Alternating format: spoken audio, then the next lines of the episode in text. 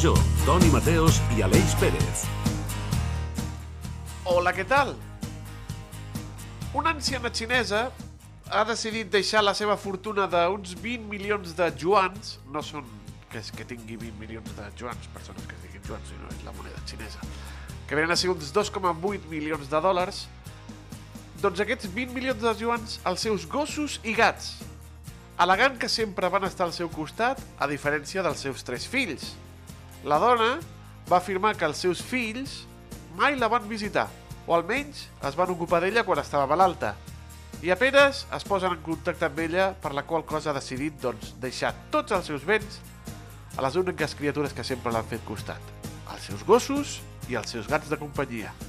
Ja ha modificat el seu testament per reflectir el seu desig que tots els seus diners es destinin a la cura de les seves mascotes i a les seves cries després de la seva defunció. Però la llei xinesa prohibeix que la gent deixi les seves possessions directament als animals. No obstant això, després de consultar amb un advocat, la senyora Liu, que així es diu, va trobar una manera d'evitar-lo.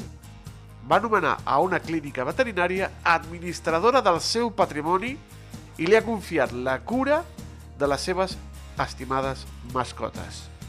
Ja ho deia Lord Byron, quan més conec a les persones, més m'estimo el meu gos. Vigila Aleix Pérez, la fortuna dels Pérez pot anar a parar al periquito de la família. Ja seria mala sort, eh, Toni Mateos. Molt bona tarda. Poca broma, eh? Perquè mon pare, de fet, treballa d'això. Mon pare és oficial de notaria i fa testaments. I, i, i és molt curiós. I al final, doncs, sempre alguna vegada ens ha explicat això, que, que, que algun testament d'aquests que ho dona doncs, a, a l'església o dona a alguna entitat concret o una cosa així, i hi ha gent de la família que no sap, es pensen que s'emportaran l'herència i, i, i que la gent vigili perquè no sempre t'emportes l'herència quan, quan llegeixen el testament, o sigui que recomanem des de carrer Major potser que tinguin cura de la gent que els envolta, que els estimin molt per també, òbviament, doncs, tenir accés merescut en aquesta herència, no? Per què no et vas fer notari tu o estudiar dret per treballar en notaria? No, jo no, jo no. Mon pare va estudiar dret i és una persona... Però per què no vas estudiar tu, home? Així ja. Eh, seguiria la, la saga dels Pérez. El llinatge, no? El llinatge Tot i que Pérez no és un cognom de, de, de notari.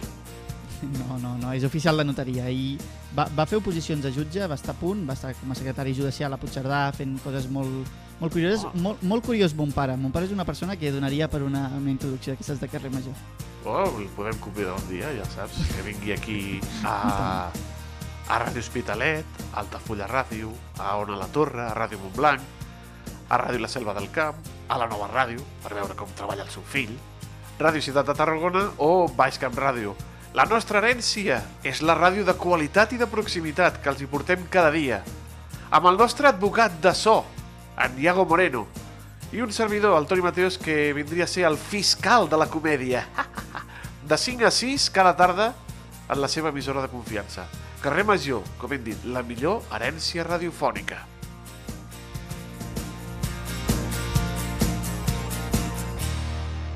Estàs escoltant Carrer Major dia ha començat, em llevo al teu costat, respires lentament. Un nou dia t'ha abraçat, et lleves i no saps que enyorarem aquest moment. Les casualitats són les que ens han portat a viure aquest present que jo no en sóc conscient si m'esperes allà fora et cantaré. Escriurem que tot no va ser fàcil. Maria Aurelia Campmany va dir, o millor va escriure, que escriure no és res més que buscar palpentes al món real. No sabem si això de buscar les fosques al món real a través de l'escriptura és un dels objectius dels propers convidats del carrer Major. Segur que sí, perquè és l'eslògan que han escollit. Tenim a l'Agnès Llorenç, professora de l'Escola de Lletres de Tarragona, a la qual saludem. Senyora Llorenç, molt bona tarda. Molt bona tarda. Qui sou i en quin objectiu va néixer l'Escola de Lletres de Tarragona?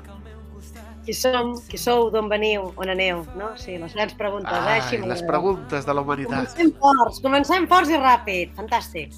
Uh, som, som un grup de gent que vam començar fa més de 20 anys i duem a terme diversos tallers d'escriptura, de narrativa a diferents nivells, en diferents modalitats, en diferents horaris i adaptats a tothom que tingui ganes d'escriure, de trobar la seva veu, de trobar-la, d'explicar les seves coses i també de llegir, de compartir, passar bones estones, Ha dit fa més de 20 anys. Què han après l'Escola de Lletra després d'aquests 20 i pico anys? Perdona, perdona, tot és malament, disculpa'm. Què has dit? No, no, Què és la meva veu, que avui està supertocada per l'al·lèrgia. Oh, Dic que... Sí, déu 22 anys d'història de l'escola. Què heu Sí. après en aquests anys, de, de, aquests 22 anys? Què heu après de l'Escola de I Lletres? explicar el que hem après, diguem-ne... i- Bueno, no, no és difícil, de fet, ho he dit molt malament, és molt fàcil. Hem après que tothom pot aprendre, i que tothom millora, que tothom té capacitat per, per millorar moltíssim la seva capacitat d'explicar, d'escriure i de provar-se a si mateix. Tothom, sigui quin sigui el nivell i sigui quina sigui la, la, la, el que es vol fer. No? Hi ha una gran capacitat de millora i és molt bonic, fins i tot, acompanyar les persones que tenen ganes en aquest procés. I al final també doncs tot això es converteix en, en, en resultats també, no sé si es veu i deu ser doncs també molt reconfortant veure no, l'evolució de tots aquests alumnes, de tota aquesta gent que comença Pues. el primer dia al curs, potser inclús amb una mica la síndrome del paper en blanc i acaba, doncs, espero i confio, doncs, fent grans parrafades. No, de fet, de fet, animo des d'aquí a que totes les persones amb síndrome del full en blanc que dieu, que s'apuntin. Els nostres alumnes normalment crec que no tenen aquesta síndrome, eh? més aviat tenen moltes ganes de fer coses, cosa que és fabulosa. Pel que m'imagino, intueixo que queden encara moltes persones amb, amb síndrome que encara no s'han apuntat, o sigui que és el moment de que vinguin. Una escola de lletres de Tarragona que està a tot el territori, perquè aquí a la Selva del Camp, per exemple, ja fa uns quants anys que veniu a impartir eh, classes. A on impartiu cursos d'escriptura o altres tallers a banda de Tarragona i, com he dit ara, a la Selva? A altres llocs també? Sí, al cas de la selva, com passa a Altafulla, són llocs on per algun motiu doncs, ens han demanat no, de, dins de la programació de biblioteques, centres cívics, eh, entitats similars, que anem a explicar, anem a fer una miqueta aquests tallers que fem aquí a Tarragona. O sigui que a banda dels que us presentaré ara que fem a Tarragona, fem aquest taller de la Selva del Camp, com tu comentes, i en fem un altre a Altafulla també. A banda de coses puntuals, diguem-ne, que sorgeixen. Però aquests dos són bastant estables, es mantenen durant tot el que és el curs acadèmic. i també al final doncs, tot això acaba sent un espai també molt interessant, no? perquè a més heu fet un, un salt molt important a, a l'antiga presó de, de Tarragona també. Com va sorgir Sí. aquesta possibilitat i, i, i bé, i una mica què n'espereu? Doncs esperem estar aquí i poder estar més llocs explicant no? que se'ns ha ofert aquesta possibilitat, que hi ha aquest espai, diguem-ne, que, que està així com, com en un moment, diguem-ne, que no estava, doncs, doncs ha acollit algunes exposicions, etc des de que va deixar de ser centre de dia, i se'ns ha ofert la possibilitat de, si volíem, doncs, doncs fer algun, algun tipus d'experiència allà. I enguany, a partir d'aquest segon mòdul, que començarà ara al febrer, comença ara la segona setmana de febrer i s'allarga fins la segona setmana de juny, més o menys, eh, impartirem un dels tallers, un dels tallers fixes setmanals, el, un, dels, un taller dels dimarts a la tarda, de narrativa, el taller, busco el nom, que no em vull equivocar, de l'ombra dels mots en flor, es diu el taller. És un dels tallers de narrativa presencials, que es duen a terme sense ser en línia, etc. i el farem allà. I a banda, una experiència molt xula que ens agradaria molt, a veure si té difusió, no? farem un taller de literatura, un, un monogràfic de dos dissabtes al matí sobre literatura captiva, de literatura de presons, de literatura que sorgeix, que generen espais, doncs, diguem-ne, i estem a l'antiga presó, hem creat un taller molt xulo a càrrec de... que, que creiem que serà molt interessant. Uh -huh. Déu-n'hi-do, aquest també és molt interessant. I Eh. si, ara, si voleu, el taller, el, ho busco perquè vull, vull, dir, vull dir les dates exactes, tot està a la nostra Sí. pàgina web, www.escolalletres.cat, ho aniré repetint molt perquè quedi ben clar, no? El taller el du a terme la, la Ingrid Ventura i serà els dissabtes 2 i 9 de març de 2000, de 2024, òbviament, de les 11 a la 1, i l'activitat és gratuïta, però sí que és important que s'inscriguin els que hi vulguin participar i que vulguin sumar-s'hi, per tenir una previsió de qui ve, qui no ve, etc.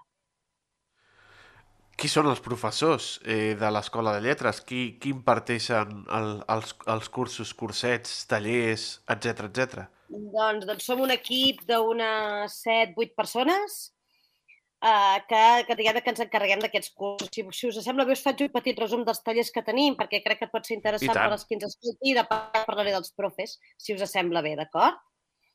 Comencem, ho he dividit miqueta perquè pugui ser fàcil per explicar per aquí no? i que pugui entendre qui, qui estigui interessat, diguem-ne. Si anem per les persones que els interessa eh, aprendre de narrativa, narrativa persones adultes, diguem-ne, eh, diguem a partir de 17-18 anys, que els interessi fer classes de narrativa, no de poesia, etc i que vulguin vindre presencialment. Que els que diguin, no, jo el que vull és allà, m'assec amb una taula i que m'ho expliquin. Dimarts a la tarda hi ha dues opcions. Un és el taller del bufet de lletres, que es du a terme aquí al seminari, que actualment tenim les places ja bastant plenes, però al principi, si algú està interessat, que es matriculi a través de la web, que l'informaran. I és un taller que coordina, que porta l'Ester Enric. A la mateixa hora, com que hi ha demanda d'aquest taller, eh, hi ha bastanta demanda i tot, es desdobla. És aquest taller que diem que oferim ara com a novetat a l'antiga presó, amb un espai que més no pot inspirar, em sembla a mi, no? Fins i tot, pot ser inspirador, i que estem molt contents de poder oferir, que és el taller dels mots en flor, que el du a terme el Marcel Casas. També a la mateixa hora, dimarts tarda, de 6 a 8 del vespre, els dos tallers, d'acord? A la mateixa hora tenim dos tallers amb dos punts molt diferents funcionant, amb dos professors que creiem que agradaran molt als alumnes. Dimarts tarda. Que volem fer narrativa també presencial, però tenim menys de 16 anys. Cap problema, també podeu venir a l'Escola de Lletres. En aquest cas, en, en horari de dissabte a la tarda, a l'antic Ajuntament, al carrer Major. Oferim el taller jove, que, que porta per títol La Conxorxa dels Mots. Que dut a terme la Sandra. Sandra, que no me'n recordo del cognom i no em vull equivocar, us busco ràpidament, això ja les coses del directe. I tant. Sandra, Sandra Romero. I si teniu menys de 16 anys i us interessa fer narrativa de manera presencial, teniu, si, teniu, si teniu aquesta edat i us interessa, de les 7, de les 7 a, 7 a, 10, del- 7 a 9 del vespre, em sembla que és. A la web hi ha tots els horaris. Que us interessa la, el tema de la poesia i també voleu venir presencialment, fer classes en línia, no és el vostre, cap problema. Veniu a l'escola perquè els dijous a la tarda, de 6 a 8 del vespre, teniu el taller de poesia, perdoneu, de dos quarts de set a dos quarts de. Això de les hores és complicat. El fem a l'antic Ajuntament i és un taller dedicat a totes les persones que els interessa el tema de la poesia, que tenen ganes d'escriure poesia i que potser no troben la manera de fer-ho, o que ho estan fent i que volen compartir amb els altres el que estan fent no? i millorar, tutoritzar-se, compartir amb els altres, etc. El coordina, el tutoritza, el porta el Jordi Vinyals. Ep, I. Salvatà. Cuidado. Eh? Jordi Vinyal, Salvatà. Jordi Vinyals, no l'alcalde, no l'exalcalde, Eh. No, no, no, no, no. Ens passa això, això ens passa. Xascarrillo. Uh, que voleu uh, escriure però no sou d'estar asseguts en una cadira. Tenim solució a l'Escola de Lletres. Taller itinerant, dis, dimarts al vespre. És un taller com molt especial, que és un dels més veterans de l'escola, i és un taller en el qual anem amb dos professors, jo mateixa, i el senyor Paco Tobar, i portem els alumnes a través de diferents recorreguts històrics per Tarragona, diferents punts, i allà sí que ens inspirem cada vegada una miqueta sobre el terreny per fer textos. O sigui, és una barreja que es ve de guia històrica i literatura. I és un taller molt curiós, molt especial i que ens ho passem molt, molt, molt bé fent-lo. Perquè ens acompanya el temps, les hores, tot, totes les inclemències, tot el que passa a la ciutat. Si és carnaval ens hi sumem, si és Nadal també, i anem a veure una miqueta tot el que passa per inspirar-nos. I, per últim, si sou, que us agrada la narrativa, però viviu lluny, això d'aparcar a Tarragona sabem que és un conflicte, uh, us queda lluny, etc etc etc. tenim un taller en línia, els dijous. Sí, sí, no s'ha de fer i, a més a més, una de les coses bones que ens ha portat la pandèmia és que ara hi ha tallers en línia i, no? i que podem tots formar-nos a distància. I el taller de l'escola és els dijous de les 6 a les 8 del vespre. tots, tots, tots aquests tallers que us hem comentat eh, estan especificats tots els horaris i tot d'aquest segon mòdul que comença a partir de la setmana que ve a la nostra web, que és www.escoladelletres.cat. Continuo. El que vulgueu preguntar-me a partir d'aquí. Perquè a mi m'ha agafat curiositat també. En, entenc que cada taller és un món, però també quina és una mica la dinàmica d'aquests? S'ha de portar ja un escrit des de casa, s'escriu durant el mateix taller, es manen Depèn. deures... Depèn. Va variant, no? Uh, depèn de cada professor, de la seva manera de funcionar, però en general, i aquí no puc fer més que parlar de la meva experiència, però crec que és bastant la de tots, no? I crec que intentem combinar tot el que has dit. O sigui, jo creiem no, que hi ha una part que està bé escriure en el moment per fomentar aquesta rapidesa mental, que a vegades està bé que sorgeixi, i també s'ha de treballar des de casa per buscar la paraula adequada, etc. I després compartir-ho la setmana que ve, no? que també és aquesta part de, diguem-ne, la part del directe, que vosaltres coneixeu molt bé per la vostra feina, i la part del treballar-ho des de casa, cuinar-ho, tot aquest directe que ha sortit ràpidament per acabar-li de donar forma. Suposo, imagino que els hi donareu trucs, no? I, i alguns consells. Eh, escriu a Ah, primera hora del fem. matí i després esborra tot el que has escrit i torna a escriure. No, no tant, no, home, no. No, no, no, no, no, no és veritat. Això. Tothom, tothom té capacitat de millorar i tothom escriu més bé del que sembla. bueno, quasi bé, no sé. Jo trobo que, que en general, eh, només per que es nota, fins i tot, no, no diguem, ho diré més bé encara, es nota quan una persona s'hi ha dedicat, s'hi ha esforçat i realment sempre surt un text que, que no sé, que té capacitat no? de, de, de ser alguna cosa, alguna cosa, diguem-ne, potent. Mm -hmm. No només feu cursos i cursets, sinó que també organitzeu festivals, concursos literaris, xerrades, no pareu a l'Escola de Lletres. Eh, No parem, no parem. Aquest mes de febrer participem en el Festivalet Blau, que és aquest festival de literatura infantil i juvenil, i ho farem també amb, alguna, amb una activitat, ho trobareu també a la web. Mhm. També col·laborem amb un d'activi- d'activitats d'aquí de, de Tarragona, bàsicament, que és on estem situats, però a qualsevol lloc on creguem que, que, que, que puguem col·laborar i que pugui servir, no? Creiem que després de tots els anys que porta, que porta l'escola en actiu, no, és, és important poder oferir un espai en el qual tothom pugui millorar la seva manera d'escriure, no? Per, també per... Que la paraula lluitar no m'agrada, no? Però per, per fer veure que no és que no és un tema d'elitisme, passar-s'ho bé, escri... passar bé escrivint, eh, posar paraules al que cadascú viu, llegir i disfrutar dels textos no ha de ser res relacionat amb l'elitisme, sinó que pot ser un, un, un, una manera de fer no? que es pot gaudir molt en companyia, debatent, passant-nos-ho molt bé i tenint en compte que totes les opinions ben defensades, evidentment, són vàlides i són interessants. I llavors, per anar tancant una mica cap a on va la- l'escola de lletres en un futur, inclús també, si les noves tecnologies ja ho has anat comentant, però també han modificat la manera en com s'ensenyen. Sí, clar, com tots, no? Vam haver de modificar la pandèmia, vam, vam aconseguir fer molts cursos en línia. Ara, actualment, hem recuperat la presencialitat, doncs, perquè creiem, hem comprovat, notem, evidenciem que els nostres alumnes és, és una part que agraeixen moltíssim el poder-se reunir, però som conscients que la part en línia és molt important, perquè moltes persones ja han optat amb la formació en línia com una manera de, de, de viure no? i d'entendre el seu creixement personal. A banda de que és el que, el que he comentat, no? que sembla, semblava pràctic i ridícul, però és important poder existir a cursos que t'interessen sense desplaçar-te, si no vols, si no pots, o si has decidit que no vols desplaçar-te. O sigui que és pràcticament molt necessari, vull dir, poder oferir aquest taller.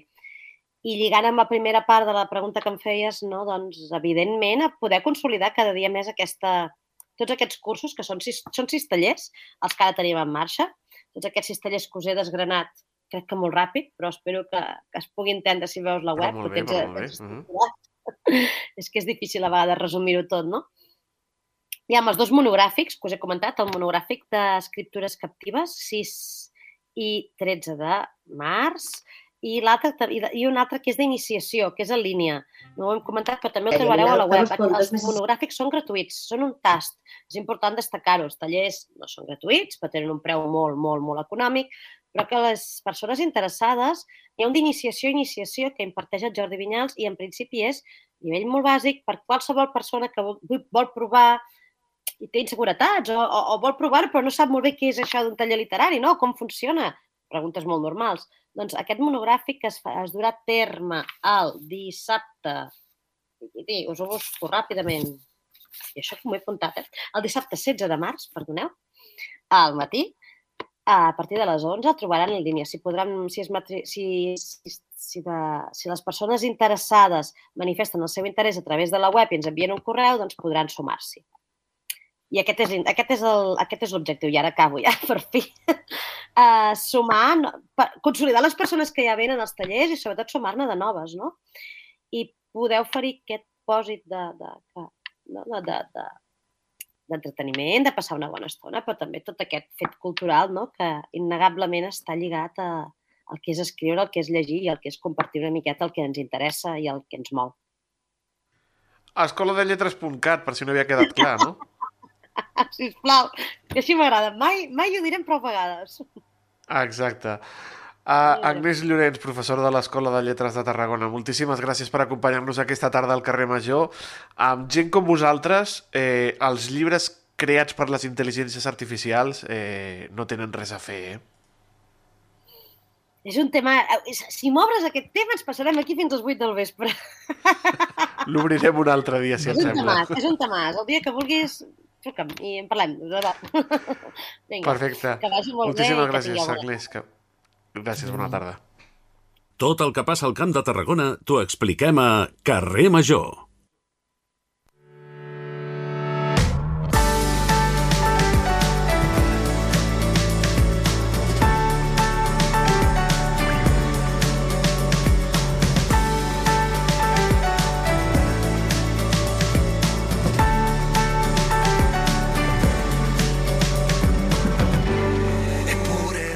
Ens venen al cap, eh, si parlem d'esportistes d'èlit, com la Simone Biles, com el Ricky Rubio, com el Bojan Kirkic, que han tingut problemes i han hagut de parar perquè el seu cap els hi demanava. Ci troviamo a rivederci al rivite Senza farlo apposta mi fai És molt important, doncs, tenir uh, un bon cos, però també un bona ment per afrontar els reptes de l'esport d'elit. Avui, avui en el nostre espai de la Delegació Territorial de Tarragona del Col·legi de, Oficial de Psicologia de Catalunya, avui parlarem amb el psicòleg Àlex Barros Coca sobre el paper del psicòleg en els clubs esportius. El tenim a l'altre costat del fil telefònic i el saludem. Senyor Barros, molt bona tarda. Bona tarda, què tal? Un plaer estar amb tots vosaltres. Moltíssimes gràcies per atendre la, la trucada del, del carrer Major. El paper del psicòleg en els clubs esportius eh, és molt important. El psicòleg en el món esportiu des de fa uns anys s'ha convertit una, en una figura clau, no, senyor Barros?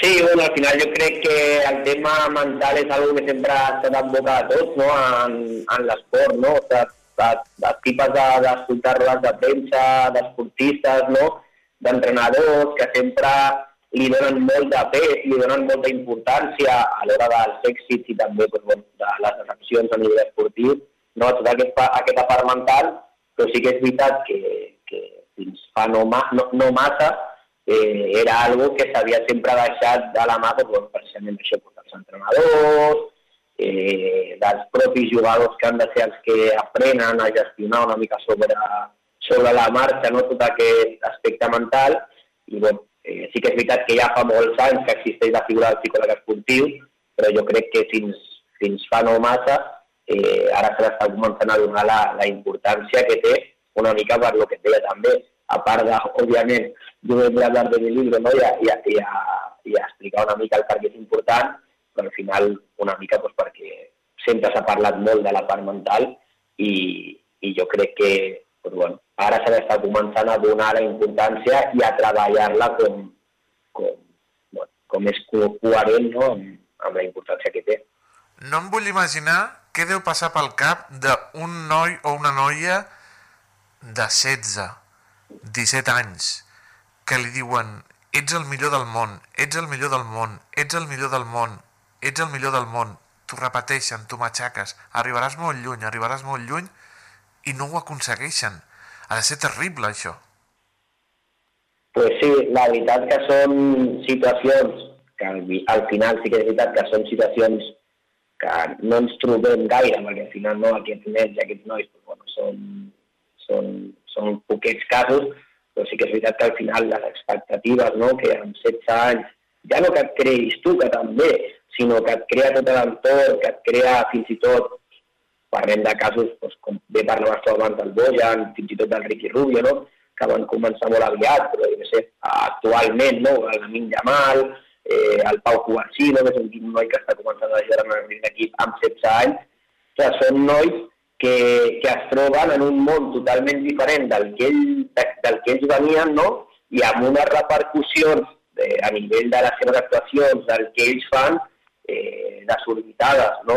a nivell de, bueno, de, de mitjans de comunicació, a nivell d'expectatives que la gent els genera, i al final aquí eh, no ens podem oblidar que, que, bueno, que hi ha molts factors no? que al final no depenen d'aquests jugadors, no? pues com poden ser pues, entrenadors, com poden ser lesions, com poden ser mil coses, no? i al final jo crec que és molt important eh, que aquests nois estiguin el millor acompanyats possible, que, que treballin tota aquesta gestió d'expectatives i tot i així al final són situacions difícils perquè al final, com, com comentava prèviament, són situacions per les que mai estàs preparat, no?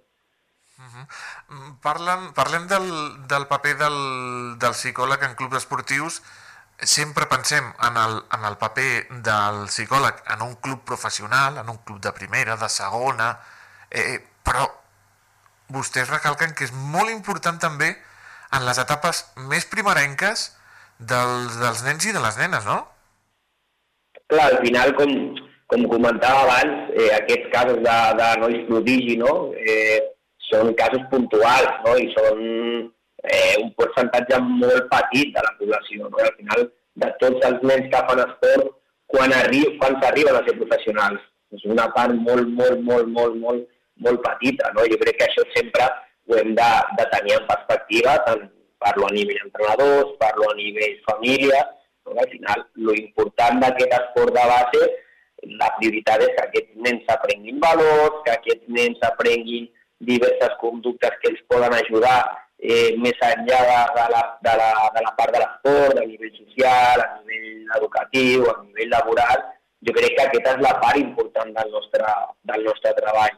Llavors, a, a més, doncs, tenim segurament les dificultats que, òbviament, el psicòleg esportiu normalment quan treballa pues, no treballa 40 hores, no? com potser pot, pot treballar un entrenador o, o un preparador físic al final nosaltres hem d'intentar exprimir al màxim les hores que tenim i el temps que tenim per intentar aprofitar eh, al màxim el nostre treball.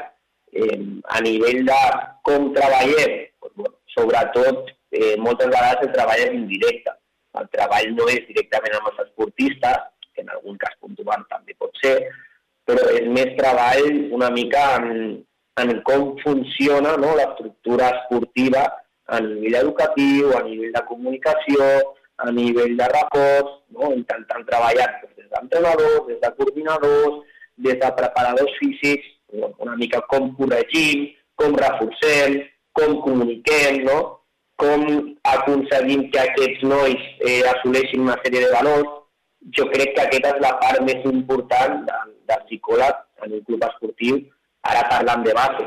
No? Ara parlam de, de, de nens que estan aprenent, com deia abans, de nens molts casos de 16 anys, que tenen dubtes una mica de tot, no pot ajudar-los a saber què es poden exigir ells mateixos, què poden demanar-se, en quines coses s'han de fixar i en quines coses no tant, no? però ja sí, al final el treball moltes vegades és molt més indirecte a partir, diguéssim, de les persones que estan en contacte amb aquests nois que no pas directament amb ells. En una societat, eh, senyor Barros, que fem créixer els nens i a les nenes com a guanyadors, potser els haurien d'ensenyar a perdre?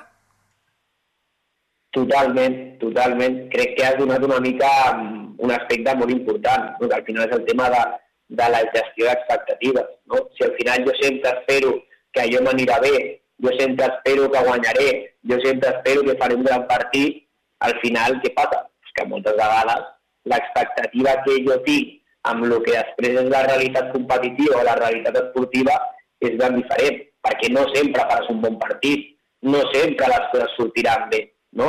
I amb això no vull dir que hem de pensar que sortiran malament, no? Ni, ni, al final no és ni buscar l'extrem, diguéssim, positiu, ni l'extrem negatiu. Hem d'intentar ser el més objectius possibles i estar preparats doncs, per als diferents escenaris que es puguin donar, no? Al final, si jo sé i accepto que la realitat de l'esport, que un dia les coses poden anar bé, un dia les coses no tant, estaré més preparat per reaccionar a nivell emocional, a nivell conductual, no?, en aquella situació. Ara, si només em preparo perquè allò em surti bé, perquè, ostres, com deies tu, no, he de guanyar, doncs, bueno, aquesta realitat moltes vegades és ben diferent a aquesta expectativa prèvia que jo m'he marcat, no?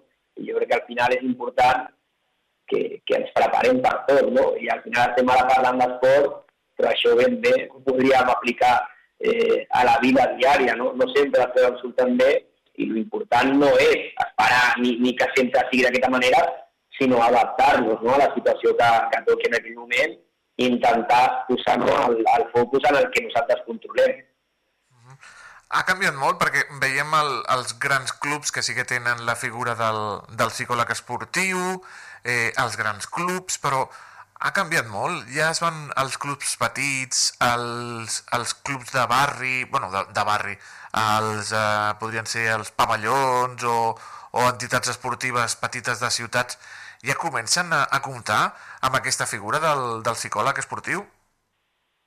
Clar, bueno, jo tampoc et puc parlar molt de temps enrere perquè porto 3-4 anys des de que vaig acabar al final del màster i bueno, puc parlar una mica de la realitat a dia d'avui, però sí que és veritat una mica perquè parlo amb companys, amb gent que hi porta més temps, al final sí que és veritat que és un camp que està creixent, no? I els clubs cada vegada pues, bueno, eh, tenen més aquesta necessitat, pues, perquè també veuen que està funcionant en altres llocs, que la gent parla bé de la disciplina, no? i al final tot això també fa eh, bueno, que cada cop també ens cuidem més, jo crec a nivell a nivell individual, no? ja no parlo a nivell esportiu, i al final pues, bueno, tota aquesta demanda jo crec que creix i creix també mm, basada una mica i, i, i recolzada en, en que hi ha molta gent fent un bon treball i que hi ha molta gent ostres, que, que a nivell inclús eh, pues, personatges mediàtics no?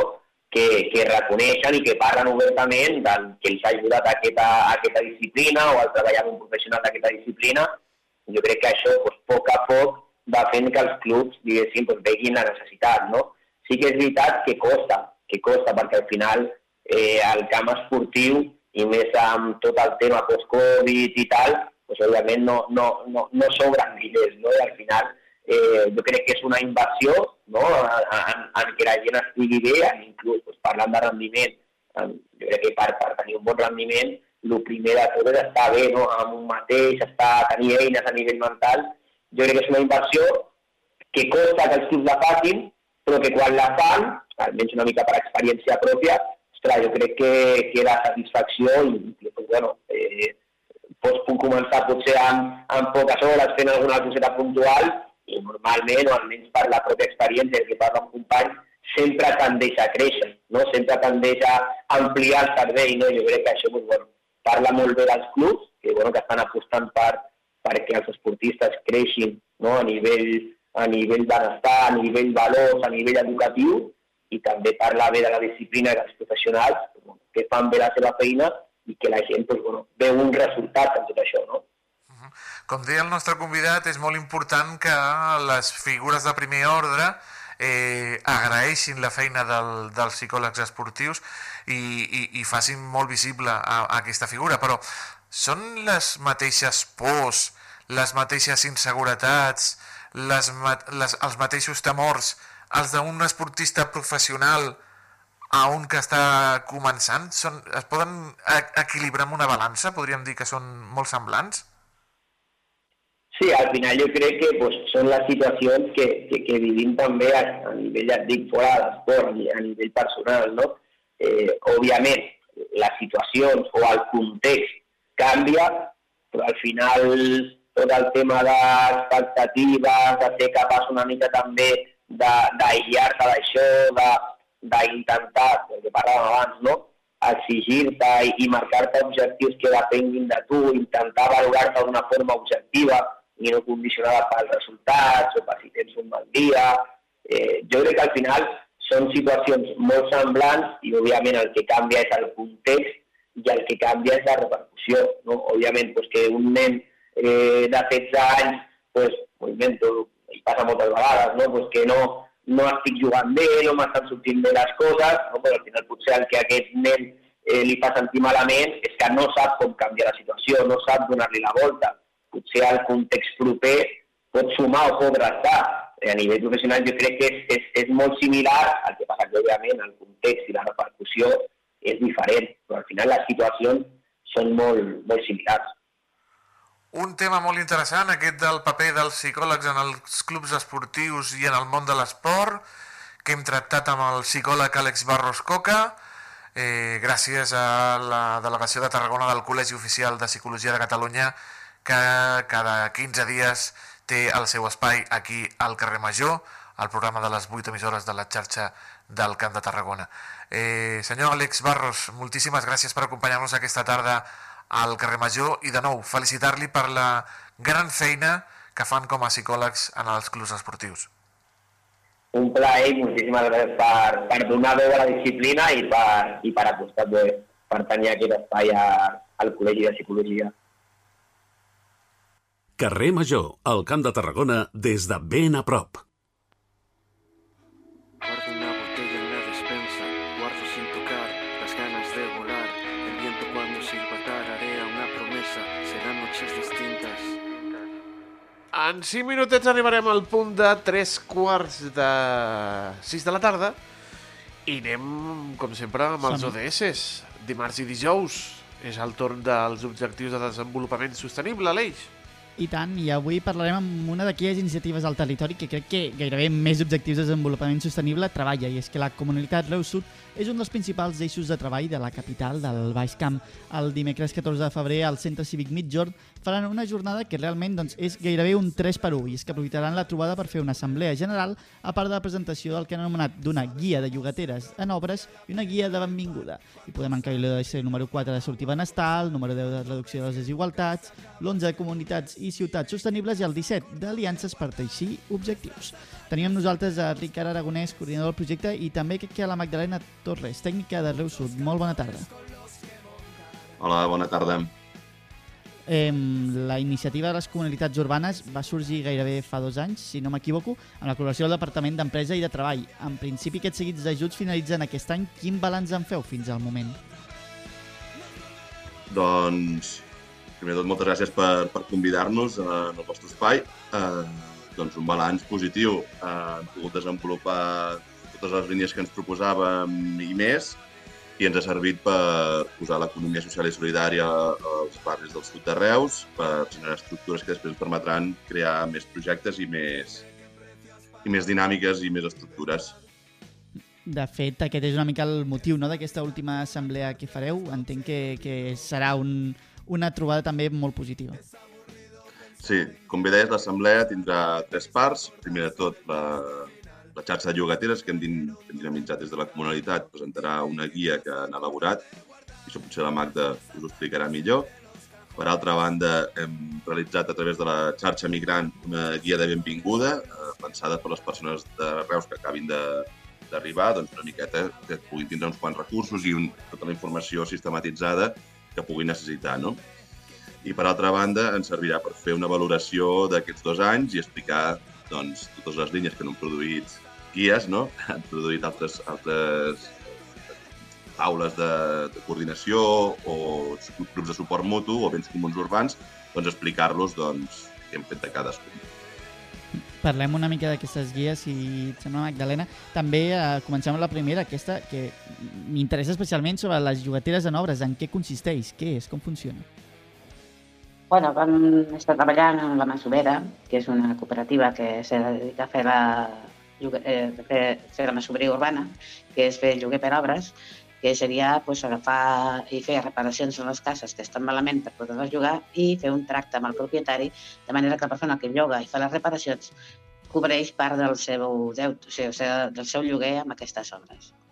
i eh, com que dintre de la comunalitat del Sud, Sud com a activadora tenim a la cooperativa Llars Familiars, que és una, eh, una cooperativa sense ànim de lucre, que ens dediquem a tractar amb gent amb dificultats per trobar habitatge i intentem solucionar aquest problema, doncs vam veure que seria una bona manera d'intentar integrar totes aquestes persones que tenim tant a llista d'espera com que tenim ja visquent en les cases dintre d'una xarxa d'ajuda de suport mutu perquè es coneguessin entre elles i poguessin donar-se un recolzament.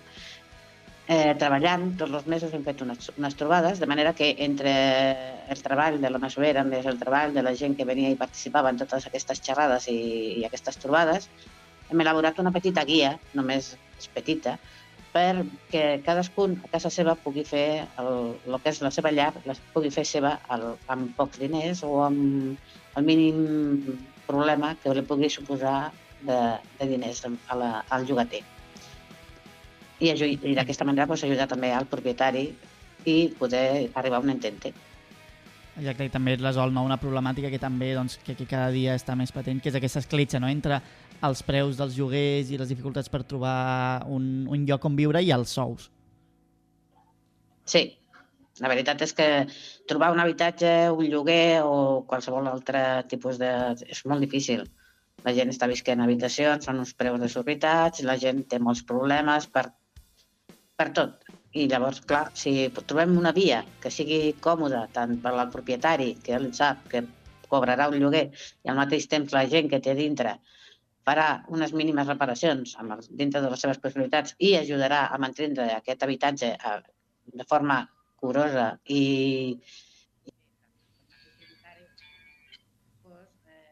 que serà, sortirem guanyant tots.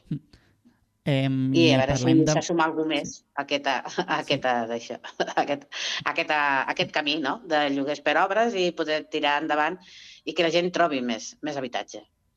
Doncs aquí queda també aquesta crida i parlem de, de l'altra guia, la guia de benvinguda per totes aquelles persones que arriben a Reus. Ricard, no sé també com sorgeixen i entenc que, que, que si no s'està implementant, eh, l'objectiu és implementar-la com més aviat millor. Bé, bueno, no hi ha ben bé res d'implementar. És un seguit de recursos, doncs, informació doncs, de l'empadronament, del CAP, educació pública, entitats socials, um, una miqueta, no? una guia benvinguda que podria ser genèric, doncs, localitzada a Reus, amb els, les adreces, els telèfons i totes les qüestions que hi ha a la ciutat de Reus. Aquesta guia ha estat desenvolupada al llarg d'aquest últim any a través de les trobades mensuals de la xarxa migrant, que era un dels aspectes que treballàvem dintre de la comunitat Reus Sud. I llavors una miqueta la dinàmica ha sigut, doncs, si venia la Comissió Catalana d'Ajuda al Refugiat, per exemple, que és una de les qüestions que surt, doncs venia una tècnica, ens explicava el projecte a les persones que tinguessin interès d'aquesta xarxa migrant i a banda ens servia per desenvolupar-lo. I així, en diverses qüestions eh, que doncs, bueno, han acabat confeccionant la, la guia i estarà disponible en català i en més idiomes eh, depenent de l'origen de les persones, les llengües majoritàries que es parlin. I en part també entenc que és important no? que tota aquesta gent que arribi senti seva la ciutat i també facilitar la, la integració en un, en un espai nou. Totalment. És una, teníem que era una manera interessant de que aquesta desorientació que, que moltes persones a l'arribar doncs, es troben en una ciutat nova, en una societat nova, en llengües noves, doncs tot nou, doncs, que fos una manera d'encarrilar de, de mitigar no? aquesta desorientació. Doncs entenc que, ara faré una pregunta també, que entenc que ja conec la resposta, però la intenció serà poder renovar no? aquesta, aquesta comunalitat urbana que, que, que heu tingut aquest termini del 22 al 24. Entenc que l'objectiu és poder-la revalidar dos anys més. De fet, ja està revalidada i hi haurà dos anys més de comunalitat.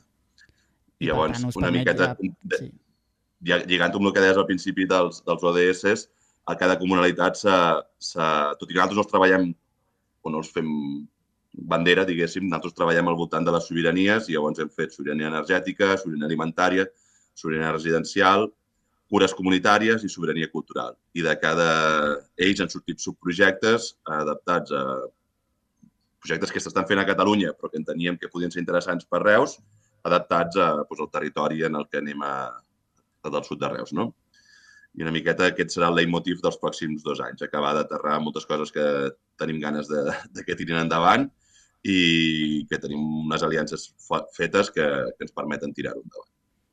Sí, perquè per anar tancant ja entenc que també és complicat, no? És molt ambiciós també a vegades implementar tots aquests projectes, uh, encara que sigui una, un espai concret d'una ciutat, també requereix el seu temps.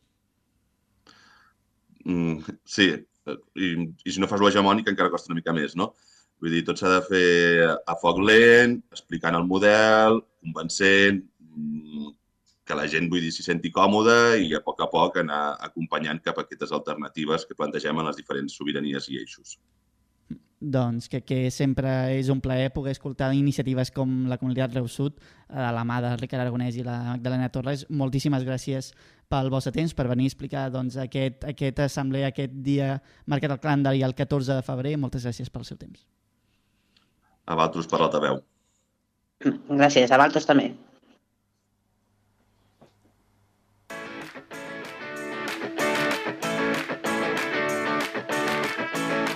Doncs, Aleix, hem començat eh, parlant de ciència i acabarem el programa parlant de ciència amb la furgoneta, amb la Cristina Artacho, que avui s'ha anat a parlar del paper de la dona i la nena en el món de la ciència. Anem a escoltar el que ens explica la Cristina Artacho. La saludem. Bona tarda, Cristina. aquí a la Furgo. Durant aquesta setmana ja hem anat fent una mica prèvia del Carnaval, però avui deixem les plomes a banda i parlem de que aquest cap de setmana també hi ha un dia que és molt important, és que diumenge, el dia 11 de febrer, se celebra el Dia Mundial de la Dona i la Nena en la Ciència. I des de fa molts anys, des d'aquí, des de la Universitat Rovira i Virgili, s'intenten fer accions per acostar a les noies a la ciència i en aquest cas a l'enginyeria. Soc ara a la sala de graus d'aquí de la ETSE, de la Facultat d'Enginyeria de la URB, i m'acompanya aquí al costat la Sília Willem, ho he pronunciat bé això, que és la cap de la Unitat d'Igualtat d'aquí de la URB. Molt bona tarda, Sília. Bona tarda. Aquesta jornada que s'està duent a terme durant aquest dia, el Girls Day, que pretén acostar les noies de tercer d'ESO d'instituts de la demarcació a aquestes enginyeries.